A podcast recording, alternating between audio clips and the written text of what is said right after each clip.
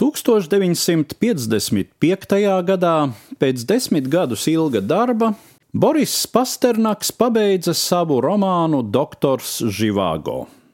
Līdzās Aleksēja Tolstoja romānam Sāpju ceļi, šis ir otrs episks lieldarbs Krievu literatūrā, kas tēlo Krievijai liktenīgos pārmaiņu procesus. Pirmo pasaules karu, revolūciju, pilsoņu karu un valsts bolševizāciju. Taču Pasternaka romāns rāda šo juku laiku caur galvenā varoņa, ārsta un dzēnieka Jurija Živāgo likteņa prizmu, un personīgo attiecību kolīzijām tajā ir nemazāka nozīme kā sociālajiem satricinājumiem.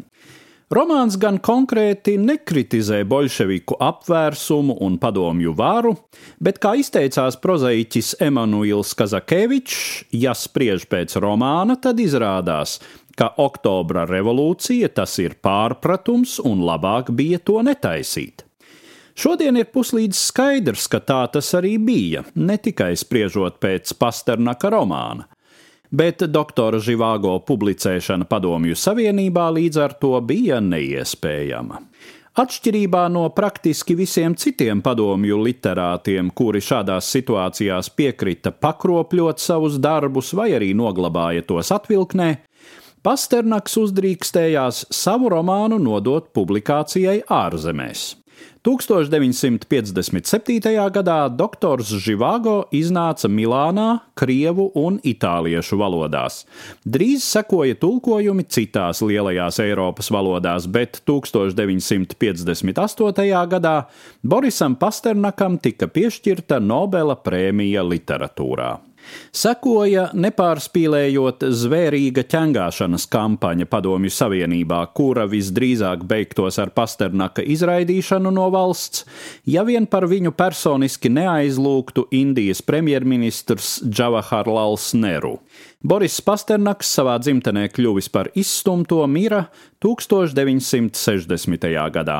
Savukārt doktors Živāgo rietumos kļuva par bestselleru. Cita starpā tas piesaistīja arī britu kinorežisora Davida Līna uzmanību un tapa filma Doktors Živāgo, kas uz Savienoto valstu ekrāniem iznāca 1965. gada 22. decembrī.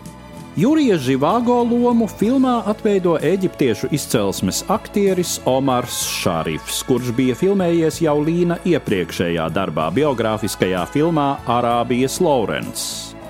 Jurija sievu Tāņu tēlo Džeraldīna Čaplina, viņa liktenīgo mīlestību Lāru Džulija Kristi. Kritika uz filmu reaģēja dažādi, un režisors kādu laiku pat apsvēra, vai turpmāk vispār ko uzņemt taču publikas atsaucība bija milzīga. Pie tam filmas popularitāte izrādījās paliekoša. Protams, ka Padomju Savienībā Līna kinodarbs tika aizliegts līdz pat bolševiku lielvalsts beigām. Tikām Amerikā doktors Živāgo tika nominēts desmit Oskara balvām, no kurām piecas arī saņēma. Par labāko mākslinieka darbu, labāko operatora darbu, labāko adaptēto scenāriju, labākajiem kostīmiem un labāko oriģinālu mūziku, kuru filmai komponēja Moris Žārs viņa Lāras tēma kļuvusi nevien par vienu no populārākajiem kinomūzikas motīviem, bet arī par vienu no pagājušā gadsimta spilgtākajiem instrumentālajiem hitiem vispār.